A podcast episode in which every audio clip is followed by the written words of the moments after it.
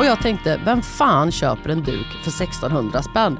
Idioter. Sen fortsatte jag och kollade efter juldukar. Jag hittade ingen som var lika bra. Så jag köpte den där duken. Mm. Och sen dukade jag liksom mitt på det här bordet med zinklådor och amaryllisar och hyacinter och plastblommor och tomtar och julkulor.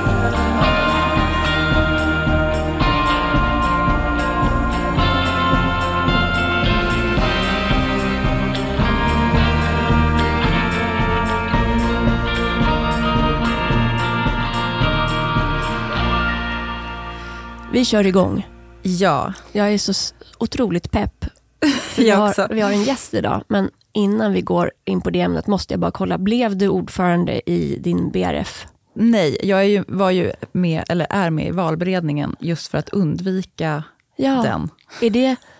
Ja, jag fattar. Den är väldigt skön. Man känner att man bidrar, men ändå inte så... Behöver inte ta ansvar hela året. Nej, jag vet. Mm.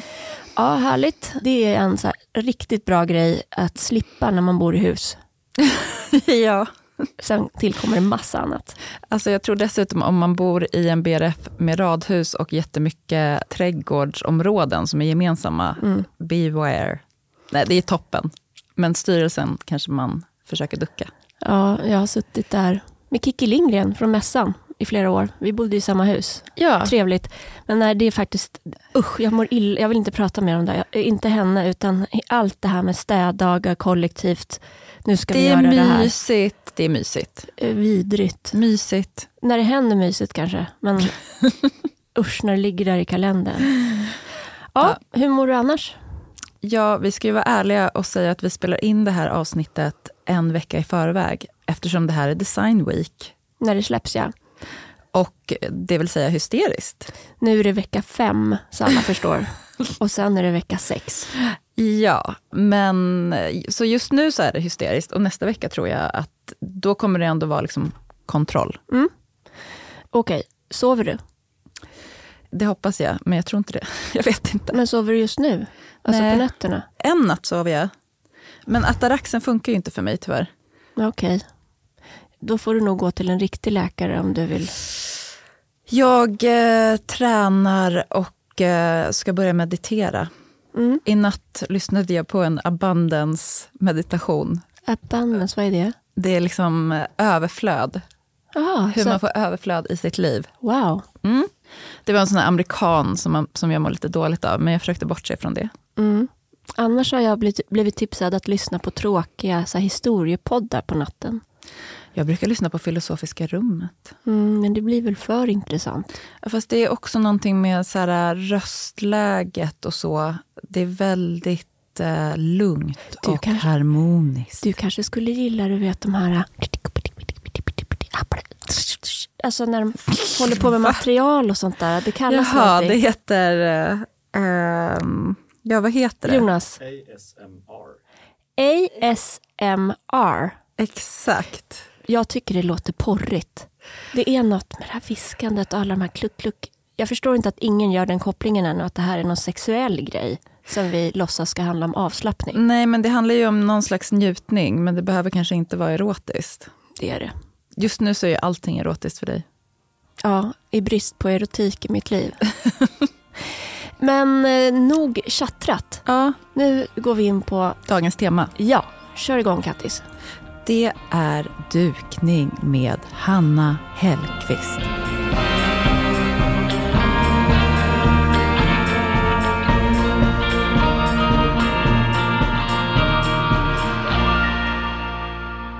Välkommen till studion Hanna Hellqvist. Tack snälla. Vad härligt att ha dig här. Verkligen. Det är fredag och imorgon öppnar din utställning på Millesgården. Ja, Det dukade bordet. äntligen. Jag, Ja. Det känns som det har varit en lång upptrappning.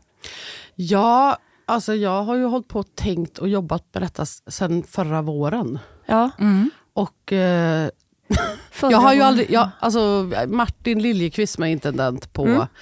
Eh, Millesgården tog kontakt med mig typ i april-maj förra året. Ja. Hade du skrivit något till DN då om Ja, då- dukning? Precis, då Det hade jag skrivit en eh, krönika. Ja. Den var svinbra men också sjukt provocerande för jag var precis i samma, jag tänkte det du skrev Jaha, och då hade ju du redan skrivit det. men vad, då, vad tänkte du då? Nej, men allt precis bara värdet av det dukade bordet och att det finns eh, så här eller det jag tänkte var att det finns så massa så bestämda regler hur det ska vara och att det är typ en grupp av människor som får eh, vara passionerad kring, det, kring liksom servetter och servettringar och ja, konventionerna. Men att det kan handla om någonting så mycket mer och bjuda in Men vilka är det som får vara, får vara passionerade då? alla som vill bjuda in och äta middag, tänker jag. Jo, men du sa att det fanns tankar om att det är en viss sorts personer som får vara passionerade kring servetter. Nej men att det är så här, äh, när jag eh, har jobbat på Svenskt Tenn och Mm. pratat om dukning och så, så får jag för mig, men det kanske är eh, bara jag, men att Ja men det är för att mm, det är liksom lite överklass Ja. eller konservativt, att man har tid och råd och Mm. Ja, sådana. Och Ja. att, det, att man också ska kunna alla de här reglerna. Ja, att det är... Som det liksom in, enligt konventionen då Men finns. Vet du vad, det där har jag funderat jättemycket på. För att jag har tänkt så mycket på Svenskt Tenn. Svenskt Tenn är ju liksom en, en kulturinstitution. Och när man börjar duka så är det nästan omöjligt att göra det utan att liksom titta, alltså utan att snegla åt Svenskt Tenn. Och eh, vill man göra det lätt för sig kan man ju gå till Svenskt Tenn och bränna en årslön på liksom, eh, juldekorationer och rätt sorts krukor och vaser. Men det har man ju inte råd med. Så då får man hitta det på loppis, men det blir jättedyrt på loppis också. Så här, hur kommer man runt Svenskt Tenn om man tycker det är kul att duka? Ja. Men, men det här med konventioner och hur servetterna ska ligga och vilka bestick man ska ha och var. Det tänker jag är en rest från när kvinnor sk- skulle liksom stå för middagar för sin makes kollegor och de kom hem och då skulle det visas upp ett hem som, eh, som skulle kunna platsa i den här klassresan som de var mitt uppe i att göra. Ja, kanske i ert hem, för Kattis bor ju i ett funktionalistiskt radhus med ett väldigt litet kök och sen ska man komma ut med färdig mat och där skulle då det dukade bordet kanske vara. Mm. För de här männen. Fast ja, det är lite för litet utrymme tror jag. Det får plats med en Men jag, gäst. jag, men nu pratar jag inte om nutid. Utan nu Nej, men alltså på- på 50-talet när huset ja, byggdes. Ja, just det. Ja, säkert. Alltså, Men liksom att, ja. det, att det, det sitter kvar därifrån. Men jag vet inte, det kanske är så fortfarande att, eh, att man, har, eh, att man ska, ska liksom visa sin klasstillhörighet genom de här oskrivna reglerna. Jag, Jag skiter tror- ju fullständigt i det. Precis, jag tror framför allt att eh, det kanske är många som känner sig... Eh, alltså, de blir inte så engagerade i dukning för att de tror att man måste kunna de här reglerna. Och så gör man inte det. Men det var som var så härligt, förlåt jag avbryter, men det som var så härligt då som störde och kittlade när du skrev om det här var att du visade andra perspektiv på det och att det är, eh, att, att det är ett sätt att liksom göra precis tvärtom, öppna upp och välkomna in, titta jag har gjort fint för dig, kom här. Att det är något helt annat. Ja, och sen så är det ju också så här, när man är klasslös, då kan man ju skita i det där. Eller om man, om man är rankad högst, alltså gud det är så sjukt att prata om klassamhället, men det finns Ja, såklart. är och bullshit liksom så här, man inte nämner det. Ja, min pappa var medelklass. Min farmor dukade bord. Min farmor var hemmafru. Och min farfar jobbade som någon slags chef på ett tryckeri.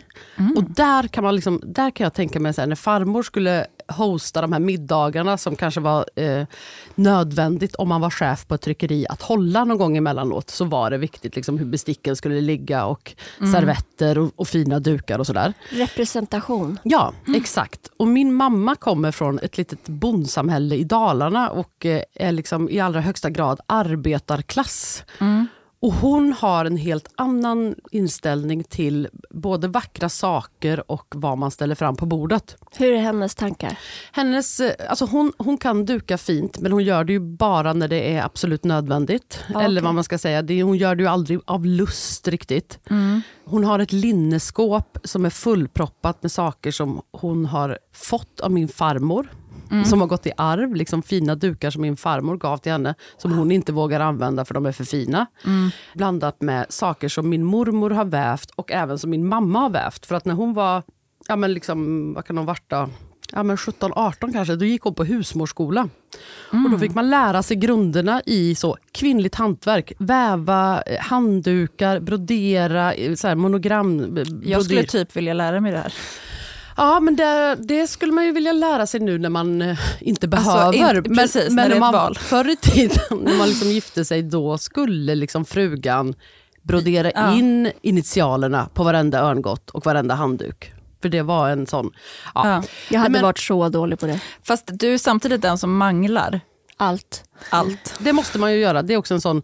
Det är ju jätteviktigt. Alltså, Nej, men alltså, när jag har börjat, när jag liksom börjat gräva ner mig lite i dukning så är det så här, man stryker inte servetter. Eh, Man nej. manglar. Ja. Ja.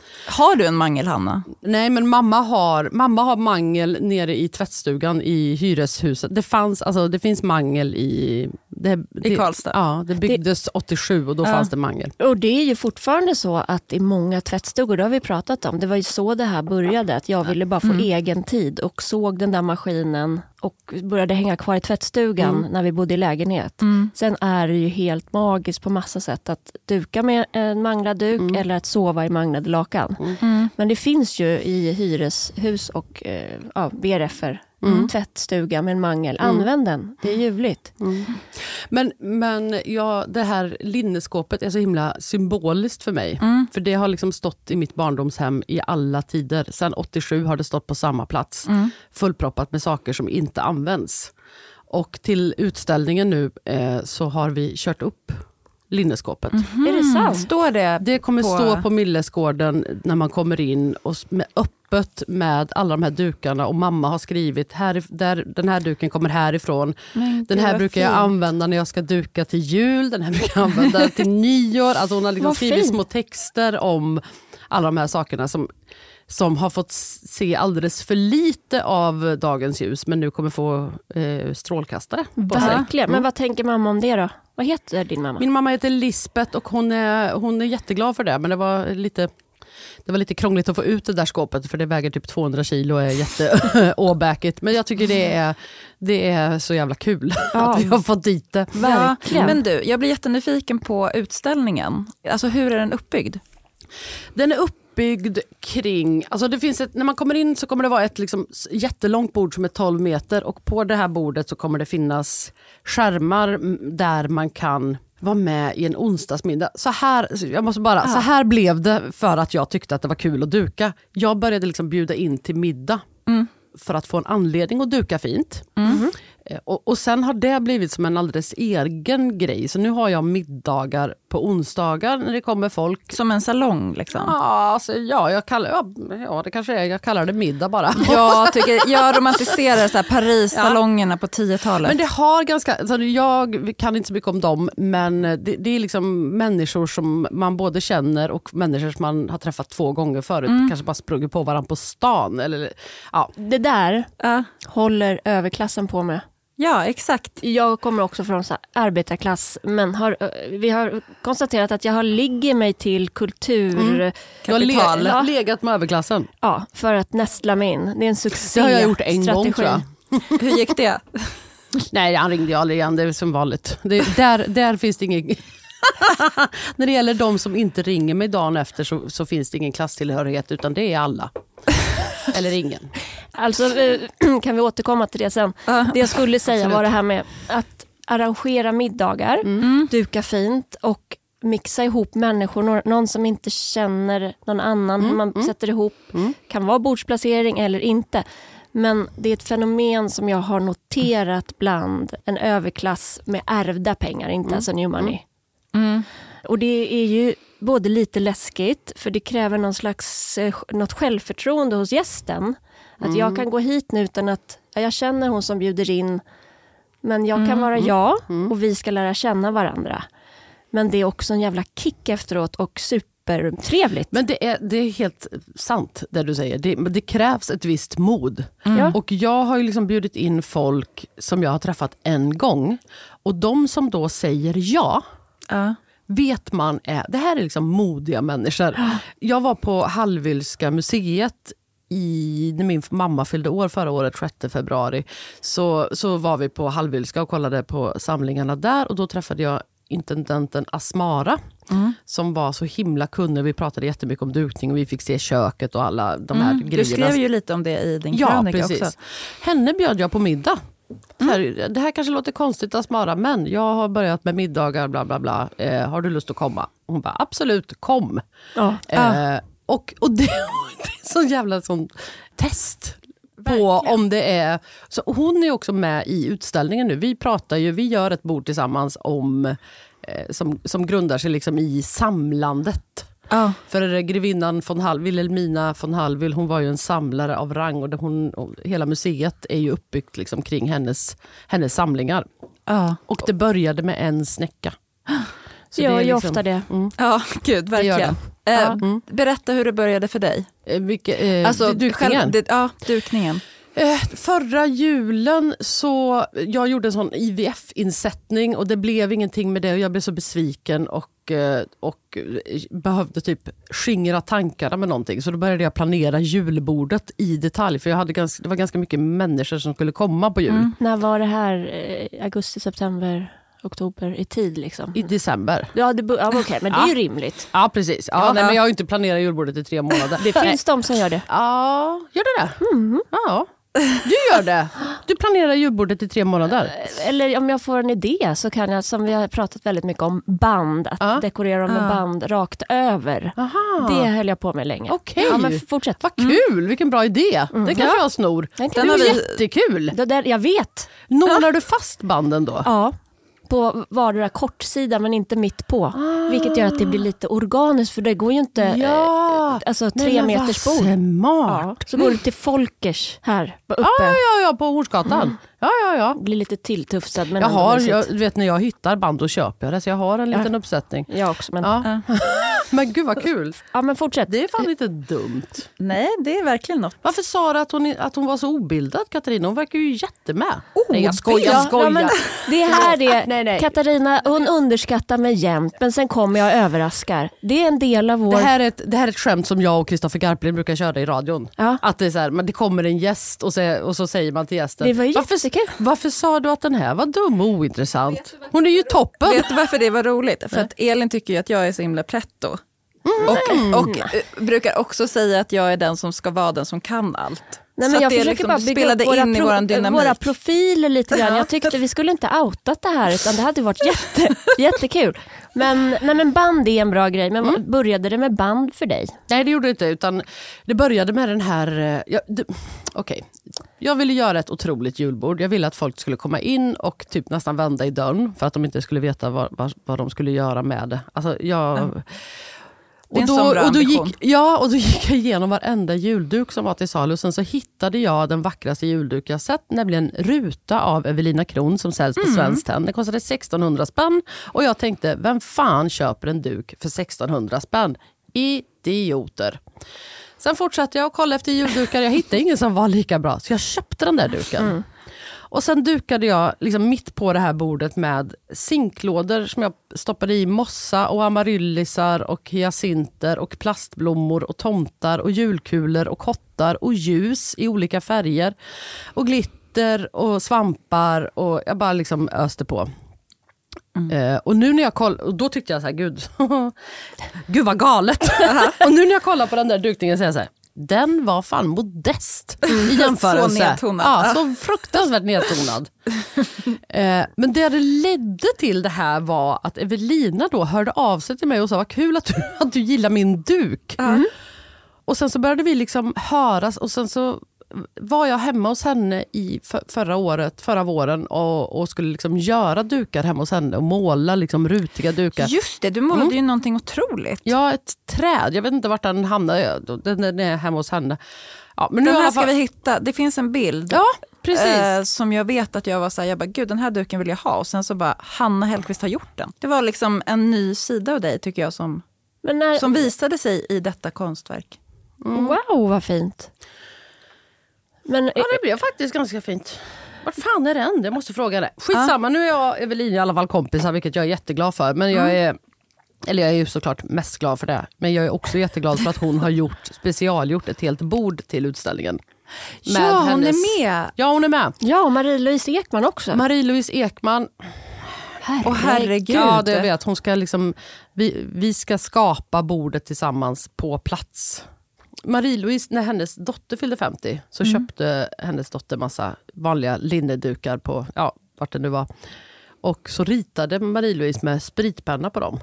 Och liksom skapade dukar. Så här, här kan du ha tallriken och skrev så här. Ah, fint. Så det kommer vi, så kommer hon göra. Hon har också börjat göra hon har specialgjort liksom, tallrikar för Gustavsberg med mitt ansikte på. Som kommer men vara på gud. Ja, jag vet. Det är så sjukt. Det här är ju så sjukt. Vill, du, vill ni se? Ja, vi vill se på det. Har du några tallrikar med ditt ansikte? Nej, men jag känner nu att jag kanske ska be mina barn göra ett försök. Jag kan inte riktigt ringa Marie-Louise. Nej men sluta. Ja, och hennes Känner ni estetik. varandra, Hanna? Eller hur? Alltså, eh, inte väl, men eh, vi... Ja, lite. Här är hönsen. Men, Nej, men får se. gud vad Och fint. där är Ines. Nej, men på tal om objekt som är liksom personifierade. Det där är ju verkligen eh, ditt ansikte och dina höns på Mm. tallrikar. Men jag hade ju i veckan eh, på mig under Design Week en kavaj som en tjej sa- har broderat till mig. Jag Mhm. skrev eh, på Instagram, jag skulle vilja ha en kavaj som ser ut ungefär så här. Mm. Och så fick jag massa tips, bland annat en som kostar 25 000 jag kände nej. Och sen så var det Men någon... låg inte du med överklassen? Jo, men vi har, vi har tyvärr köpt ett hus och renoverat det så det spelar ingen Okej, roll. det spelar ingen Och det är den kulturella överklassen, de har inte alltid pengar. Vet Nej, okej, just det. Mm. Nej, men så att jag harvar på. Det är inte Daniel Ek du ligger med? Nej. Nej, Nej. verkligen inte. Nej. Men nu när du säger det.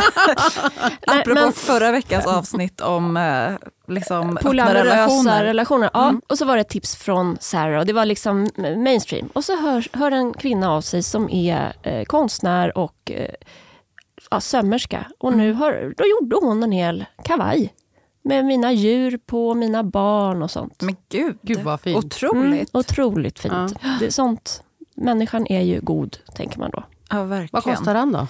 Vi har inte riktigt eh, förhandlat klart det. Okej.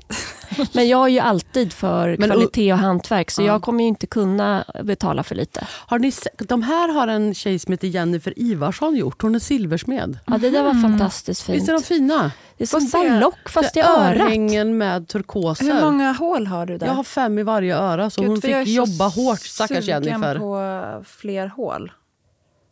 Men Ja, du, men eh, om vi går tillbaka till dukning nu. Är du fortfarande tänd på det här eller har du liksom, ja, nu vill jag bara bli klar med utställningen och så nästa Nej, grej? det är det som är så kul. Vet du vad jag, det jag inte tycker är så kul det är... Alltså jag, när, man jobbar med en utställning så måste man ju såklart, eh, det är massa saker, man ska skriva texter och man ska tänka liksom, hur är det här intressant för någon annan än mig? Typ. Alltså, eh, ska man plocka upp liksom, konsthantverk och visa det på ett särskilt sätt? Alltså det finns massa saker som man, som man går och funderar på. Och, eh, och också måste formulera och ibland kan jag bli liksom lite trött på det här formuleringsarbetet som jag håller på med. Så här, varför är det här viktigt? Typ? För, för att hela poängen med det här är att det inte är viktigt. Det är det som är grejen. Alltså att det här gör man för att det är vackert och kul. Lek. Det är en lek, ja. Hela så här byggandet av utställningen, mitt samarbete liksom med, med Martin som är intendent. Alltså det är verkligen det är som att jag har ringt på hemma hos Martin i Långshyttan och bara, får Martin komma ut och leka? Och så nu gör vi det. Långshyttan, Mm, han är därifrån. Västerbyn. Alltså det här är ju, det är ju, det, är, det här är Dalarna. Ja. Ja, det är ju, det är ju där min släkt är. Jaha, okej. Ja, Han är därifrån. pågår Mm. också en skogskris där just nu. Ja, vad då? då? Nej, men eh, markägarna Mm. och eh, det finns ju ett, liksom ett slags eh, mer fritt kollektiv hippiekultur Mm. i de där eh, krokarna. Eh, markägarna vill eh, få fälla träd så som de vill på sin mark. Mm. Och boende i området vill då eh, inte att det ska fällas träd. Och så har de hittat en sällsynt orkidé Mm. som gör att de inte kan eh, fälla träd. Och det här har ju eskalerat väldigt. Det var ju P1 eller något, P3 kanske. Har du läst eh, Skogslandet? Nej. Lisa Röstlund och... Eh, nej, det är Lisa Röstlund som har skrivit den. På DN. Eh, som handlar om skogsindustrin och... Eh, ja, den är Ja. jättebra. Det, Ja. Alltså om, om, om liksom hur man tänker kring skogsavverkandet och Men för ur visst, miljösynpunkt. Liksom. är det inte så att Sverige typ är som Brasilien? Alltså vi skövlar ju sk- våra skogar. Bara Ja, det att men vi är det- planterar monokulturer Ja, sen. precis. Det är, de, de, som är liksom kritiska mot detta kallar det liksom att man odlar gran. Alltså att det bara är, det är inte en skog utan det är en typ av träd. Ja, men precis. Det är Men som det en bara stor lustigt. rabatt typ. Att världen är så pytteliten. Det finns ju fler små byar i Dalarna. Mm. Men du har i alla fall knackat på hos Martin. Jag knack, nej, han knackade på hos mig. ja, just men- det, han knackade ju på. Men ni leker. Vi leker. I alla fall. Ja. En sak eh, som jag tycker är så himla härligt är att du säger så här, jag gör ett bord. Mm. Alltså själva görandet av bordet. Det, är inte så här, alltså, det tycker jag verkligen låter så här lekfullt.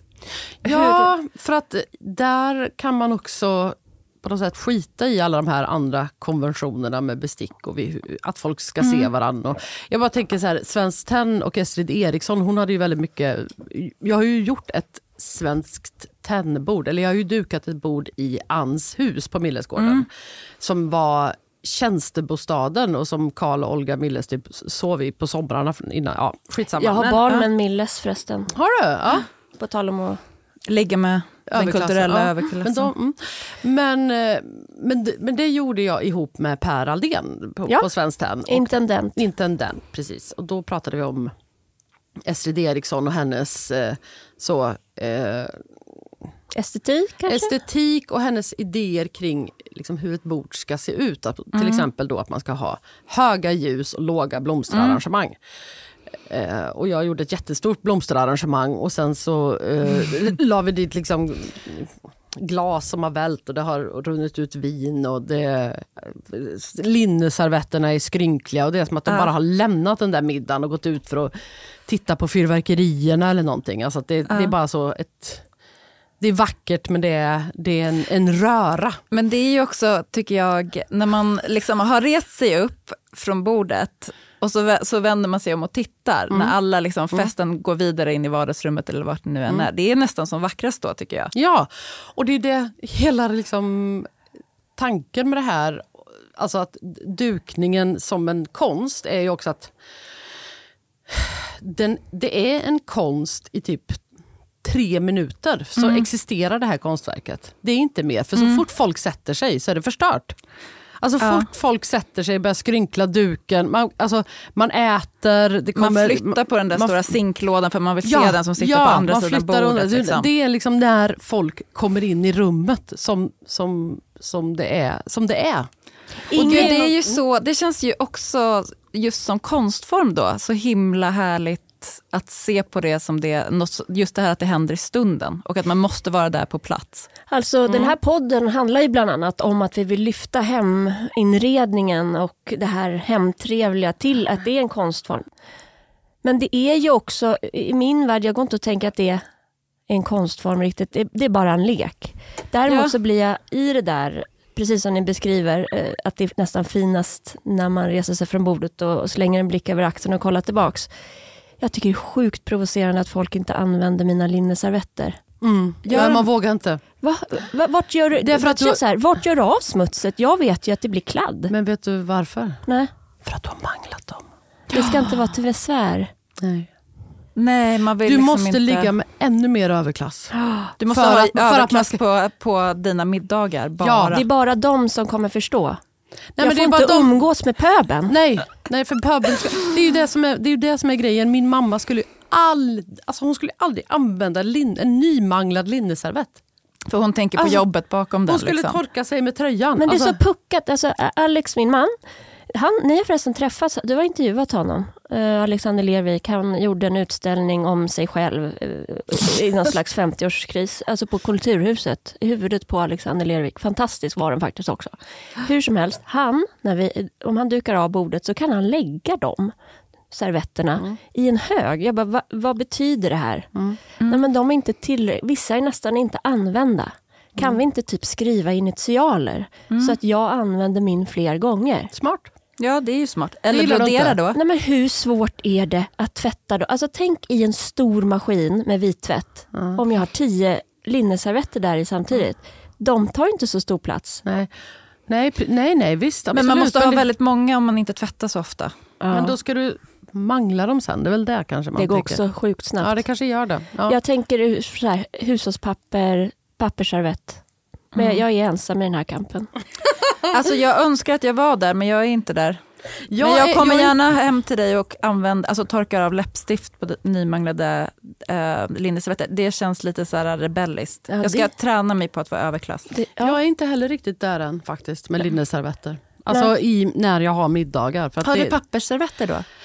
Eh, alltså grejen är på de här middagarna så, så brukar jag, liksom, jag brukar duka, jag brukar ställa något stort eh, helvete på, mitt på och sen eh, är det lite som att jag skiter i resten. Att, det här, att jag Ja, nästan struntar i glas. Alltså så här, jag, jag vill Som bara, en chock, Ja, nästan. jag vill bara ha den här... Alltså jag har en hobbyanalys, men kan det vara så här efter IVF-misslyckandet och du bara, fuck nu ska jag ha massa folk på eh, middag här och så ska alla fråga, hur mår du, hur går det? Så ska jag chocka dem Aha. att prata om något helt annat. Nej, det tror jag inte. Men Nej, utan jag tror att det var mer så att jag ville att, jag ville att det skulle kännas speciellt och att det skulle finnas någonting i julen som, som var som när man var liten. Alltså att det skulle vara magiskt med alla ljusen och alla tomtar och allt. Att man, liksom hela tiden, att man skulle hitta nya saker hela tiden. Och gud, där står det en tomte och glor. Alltså att jag ville ha den magin Ja. som ett julbord kan vara. Eftersom jag inte fick den här magin som ett barn kan vara. Eller en graviditet. Eller, men, men det är kanske också bara en efterhandskonstruktion. Jag vet inte. Du kanske bara det är mycket inte ville snack tänka, och- alltså att du bara ville inte behöva tänka. Och när man håller på med något sånt där, när man går in maniskt för någonting, typ hitta tomtar, det är ju en ganska effektiv Ja. eh, distraktion. Ja, Hela min Men överlevnadsstrategi. ja, det är perfekt. Alltså, vad gör man annars på Blocket i två timmar en söndagkväll? Natt. Ja, natt gärna. Men jag är liksom ändå intresserad av hur det eskalerade från det här julbordet till då en utställning med Marie-Louise Ekman på Millesgården. Och Evelina Kron. Mm. Och flera andra. Tommy X en, eh, ska vara med och göra ett bord om 90-talet. Gunilla Ja. Kilgren har gjort jättevackra glasfontäner till huvudbordet. Nej, men gud. Vi har en, en keramiker som heter Eva Åberg som kommer liksom vara med och göra grejer till eh, ett bord som, som går under namnet Skrömt. Som är ett... Men- Eh, alltså oknytt kan man Ah, översätta till. Det är liksom värmländska för oknytt som ska vara mm, troll och prinsessan Grenar och- Tuvstar har jag hittat. Ehm, Men hur många bord är det? det är tio. Och sen så har Klässbols gjort ett special... Alltså de har gjort ett Linneväveri. Ja, Ja. Klässbols linneväveri i Värmland har eh, gjort dukar och draperier med mina höns fötter som mönster. Men gud vad fint. Mm, de är Mysigt. jättefina. Kommer de säljas sen eller? Ja, de kommer säljas på Ja. Millesgården. Ja. Gud vad roligt. Så det finns, kommer finnas dukar och Ja, det kommer finnas dukar och kanske handdukar. Min Ja. kompis Lina, som, min, jag har mina höns hos henne på vintern. Jag har ju träffat Lina. Ja, Lina Furholm, Ja. jag älskar henne. Din Jag ringde också henne. Fri, frivilliga. Alltså obs! Hon, är inte med, hon, hon älskar att städa, vilket inte mig emot. Men vi är också Verkligen. väldigt nära vänner. Men. Nej men hon, eh, eftersom hon tar, hand om, hon tar hand om mina höns, hon tar hand om min skäggagam Skäggbritt. Ringde jag henne och bara, kan du doppa eh, hönsens fötter i fingerfärg och få dem att gå över ett lakan? Hon bara, jajamän. Kan du även doppa Skäggbritts fötter i fingerfärg och få henne att gå över ett lakan? Absolut. Vänta, är, det, är det en höna också? Nej, det är en skäggagam, en ödla. Okej. Så det blir på linneservetterna. Men vad fint. Skägg, Skäggbritts avtryck. Vad härligt. Alltså att bordet får och dukning får liksom en renässans genom det här. Och apropå renässans så kommer det också vara ett bord som, eh, som heter Memento Mori, alltså tänk Ah. på döden, alltså ett stilleben som man målade förr i tiden för att här, fånga den här pionen innan alla bladen började Ja, men åka av. livets förgänglighet på något sätt. Ja. Ja. Men hur fortsatte det här intresset? Hur eskalerade det? Alltså det är ju en sak att göra så här, ett eh, fantastiskt julbord till en julmiddag. Mm. Men att det liksom har blivit som en kultur som du driver nästan nu. Ja men det var ju de här middagarna som, alltså plötsligt så blev ju middagarna en egen grej. Och, och sen så blev utställningen, alltså nu har jag ju jag har ändå haft den i, i huvudet i snart ett år. Så det, har ju bara blivit värre kan man säga. Jag, jag tror också att du blir en representant för någonting. Därför att under covid så fick vi inte ses, vi bjöd inte in på Nej. det här sättet. Så det fanns ett uppdämt behov också den där julen kanske. Mm. Att man vill bjuda in och bara skämma bort alla. Ja. Och få planera och gå sig fram emot och sånt där. Eftersom jag blev frustrerad när din krönika kom som var så spot on så tänker jag ofta när jag känner så så är det ju att jag är och nosar på någon trend eller någon alltså beteenden som många andra människor känner igen sig i också. Och där kom du och beskrev det här. Eh, och då har du liksom blivit också en eh, front, Fanbärare. ja, en frontfigur för det dukade bordet på ett icke-konventionellt vis. Precis. Jag minns vet, eh, på L Decoration så hade vi ju ditt otroliga hus i Grums. Och då hade ju du redan börjat lite grann nosa på det här med dukning. Och det var fantastiskt när Tina Hellberg kom med de här blommorna, hur du bara gick igång. Men det var innan. ja, det var innan. Det var innan men, men intervjun skedde efter. Men, blom, Precis, men så hon var kom det. med de här jättehöga Men jag kände- gladiolusarna. Sen när du sk- beskrev eh, ditt intresse för dukning, att redan där när vi var hemma hos dig eh, i augusti typ 2021, vad det nu kan ha varit, att eh, det sättet som du tog dig an de här blomsterarrangemangen, det, är liksom, det fanns en röd tråd in i dukningsvärlden där. Precis. Hur Ja. tog du dig an Jag bara, hur tog jag mig an? Jag tog dem och satte dem i en vas och sen så tog jag massa andra grejer och satte i samma vas och så blev det Så gick du ut och plockade Var det lite grejer. redigt, gummistövlar och... Det var morgonrock tror jag Ja, och en cigg i mungipan. Men, Ja, Ja, precis. ljuvligt. ja. Men ja, nej, men precis. Jag har ju en... ehm, Jag kan ju inte slappna Alltså det är ju någonting med mig, jag kan inte slappna av om det är fult. Alltså jag måste ha det fint omkring mig, annars mår jag dåligt. Alltså jag mår inte dåligt om det, eller det gör jag i och för sig också, men det är inte samma sak. Att Om det är stökigt, men, men om det är fult dessutom, om det är fel, fel lampa där och fel... Alltså, ja. Ja, men må- jag tror både jag och Elin relaterar. det? Ja. Så att det, det har jag ju haft alltid i mig tror jag ändå. En, liksom en vilja att ha det vackert. Och en egen så här, i- någon slags inre symmetri som måste speglas i precis. rummet. Och vet du, det tyckte jag var intressant att du sa att när man liksom vänder sig om, eller var det du som sa det? När man vänder sig om och kollar på bordet när man har lämnat det. Ja. För att det finns en Kajsa Aronsson som också är, hon är textilkonstnär och textildesigner. Hon gör en duk till ett av borden. Hon var hemma hos mig på middag. För jag hade bjudit hennes man Björn Kjellman för att han hade varit, i, han hade varit hos oss i radion och var så här, men ska du inte komma på middag? Han bara, ja kanske det. Kommer, alltså jag har träffat honom en gång och intervjuat honom. Kommer, har med sig ett hembakt surdegsbröd och sin fru Kajsa Aronsson som jag liksom verkligen bondade med på den här middagen. Och hon berättade att när hon jobbar med mönster, för jag höll på att greja med en byrå då och jag hade en massa olika flaskor, hur ska jag ställa dem och bla bla bla. Hon bara, vet du, vad som, vet du vad jag brukar göra när jag gör mönster? Hon, hon brukar ställa sig då och ta en spegel och så tittar hon på saker i spegeln. För då får man ett perspektiv, då kan man liksom se, om man inte tittar rakt på det. För då kan man liksom bli blind. Om man har hållit på med någonting ganska länge så blir man blind om man tittar rakt på det. Om man då istället sätter sig, eller ställer sig med spegeln och kollar, jaha okej den sticker ut där, ja det såg jag inte. Alltså, Bra. och i den här konstnärshallen, som eh, är liksom det första man kommer in till på Millesgården, så har vi beställt så jättestora speglar som ser ut exakt som mina fönster i stan. Så välvda. Så att man ska kunna kolla på det i de speglarna. Alltså titta, utan Ja. att behöva titta över axeln, titta på det där bordet för att få typ distans till det. För det kan bli så överväldigande när man står och stirrar rakt på någonting. Ja. Kul, verkligen det är sant. hon bara, det är tips om man typ har fastnat. Ja. Överhuvudtaget Mm. tänker jag. När man ska styla sina egna kläder eller någonting annat. Mm. Titta Men jag lite från sidan. älskar också när man liksom möter en person som kan gå igång på att liksom placera flaskor på en. På en byrå. Ja, men vi alltså, på- Det är så fint när man kan mötas i det. Ja. Och det är inte alltid man gör det. Nej. Men vissa dagar är man ju inte sugen på det alls. Vissa dagar bryr jag mig noll om hur flaskorna står. Ja, ja. Har du, är, är du så alltid, eh, liksom, Hanna, att det ska vara ordning och reda ändå? Eh, Eller? Alltså ordning och reda ska jag inte kalla det. Tror jag. För att jag, har ju också, jag bor ju också, eller jag har ju en extremt hög smärttröskel för smuts. Och, och, Ja, men jag menar där när du ser att det står inte i balans. Alltså det är något. ja, då, måste, då, då flyttar jag det. Ja. Mm. Jag har ett, ett exempel. Jag var ute med barnen i skogen i, Mm. här i helgen. Mm. Och det är ju så många träd som har fallit och grenar som har Mm. fallit eh, för att det kom snö. Det är som, Mm. De blev lika chockade som eh, Mm. SL typ. Mm. Men det, det fuckar upp mitt huvud att det ligger så många Mm. halvtrasiga grenar i skogen. Men det är smärtsamt. Jo men att jag inte heller kan städa det. Jag, jag Nej. kan inte städa en hel skog. Nej men vet Nej. du vad, snälla Sara.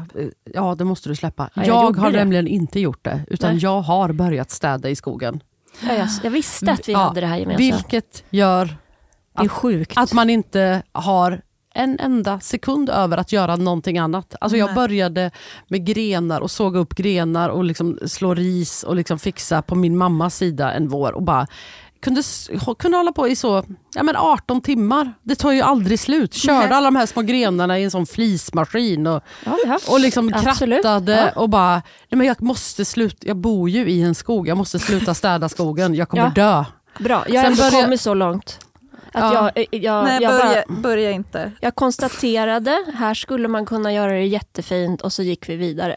Men alltså jag har ju då en vanlig motorsåg, en batteridriven motorsåg, en elektrisk motorsåg som man kan använda med eh, skarvsladd och en tigersåg och även sekatör. Och, Jag- så, och så går jag ut och så, bara, och så sågar jag. Jag fick eh, en eh, elmotorsåg i julklapp. Underbart. Jag vill ha... Jag alltså, fick, jag fick också av min mamma Av, i julklapp, julklapp 2021.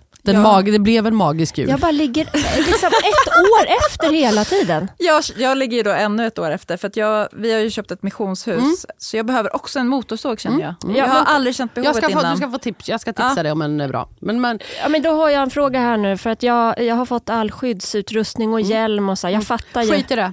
Nej jag ska. Ja, men det är jättebra. Har du, har du något så här fälla träd-körkort liksom? Eller har du bara... Behöver man inte om man gör det på egen mark. Nej men jag menar mer för att inte Bra. skära av delar av Det är jag kroppsdelar alltså. alltså För att inte skära av kroppsdelar. Ja, men, alltså, jag menar inte, jag är inte så PK att jag behöver liksom göra det för att det finns en lag. Utan mer i så fall att jag skulle kunna bli så ivrig att jag råkar skära av en del av Ja, mig. förstår, men du måste ha eh, skyddsbyxor. Ja, Ja. och då är det Har du det? ja, Ja, jättestora rediga hängslen. Ja. Eh, och sen så, eh, nej men jag är inte så jättebra på det där. Jag, Nej, men du bara ju kör. lätt, alltså jag, bara, jag gick där förra våren eller när det nu var och bara tänkte så här, det är så här jag kommer dö. Alltså att jag liksom hamnar under en gran och så ligger jag och, och ingen och kan inte svara om någon ringer och så bara förblöder jag där. Hur känner du för det? Ja men det är väl det eller typ dö i någon sån diabetes och komma så att då kanske jag hellre tar, gör en gran. Eller att, Eller här, när eller att du man hänger- trillar ner från en stege. När du hänger tavlor, jag kommer ihåg att Ja. du beskrev hur du stod naken förutom en morgonrock och liksom började Mm. På hänga. två bjälkar och hängde eh, tavlor. Då tänkte jag, tänk om någon kommer in här nu och liksom ställer sig under mig. Men Good for ingen, ingen them. risk. her. ja. Okej. Ja, men eh, när vi sen då pratade inför den där intervjun, då var ju du ute och köpte grejer till ditt rekvisitaförråd. Mm. Vi, har, vi känner också Freddie Palmstjärna. Stjärna. Mm. Eh, och Mormors. eh, älskar Stampe, precis som du, hennes mormor. Mm. Och eh, har blivit så inspirerad av de här rekvisitaförråden. Hur står det till med dina rekvisitaförråd? Ja du, jag har ju ett helt rum då i Grums. Är det det här arbetsrummet som Nej. du har byggt? Nej, det är det bredvid. Eh, arbetsrummet ska vara arbetsrum och sen så har jag ett förråd bredvid det med eh, hyllor och eh, färgkoordinerat. Blått glas för sig och gult för sig och sådär. Mm. Oj vad mysigt. Eh, men det bor en mus där nu så att... Eh, Ines, ja. du borde ordna musen. Men hon försökte verkligen men den gömde sig. Den, jag har ju sjögrästapeter så den kan ju liksom Ah. springa. Åh, Den klättrar upp högrästapeter. Eh, så att, eh, det, hon fick inte tag på den. Ja, det var en jävla sork. Men Kommer blir du det- Ines? Det var en jävla sork i det jävla dukningsrummet. Ja, det var det. Men blir det någon bok också? Och Vad, vad händer sen? Vad, vad är ja, nästa precis. Jag ska dukningsprodukt? skriva en bok också. Eller, ja, ja det ska jag göra. Om dukning? Mm. Mm. Jag hoppas att det blir mycket bilder. Det lär det ju bli. Herregud. Ja. Men först, eh, första där utställningen, och jag, åh, gud, alltså jag ser så mycket fram emot att, eh, att den ska bli klar bara. ja, men det, det är ju bli- typ klart nu. Ja. när det här sänds. Ja, det just måste det, när det är sänt så, så är det klart. Ja. Ja, då är det ju klart ja, för fan. Men jag ser fram emot eh, att få börja liksom, jobba med den. Kommer du vara där ute någonting och liksom Mm, möta jag är publiken? På lördagen där, eh, 11 februari, imorgon alltså då, Mm. blir det, så är jag ju där. Men jag kommer inte vara där varje dag. Jag har ju ett liv. Eller, Du har ju Jo, har middagar jag att förbereda Ja, och bord att Mm, duka, eller exakt. bord att göra. Mm. Men du, tror du att eh, det här intresset kommer att hålla i sig eller har du liksom fått ut det ur systemet?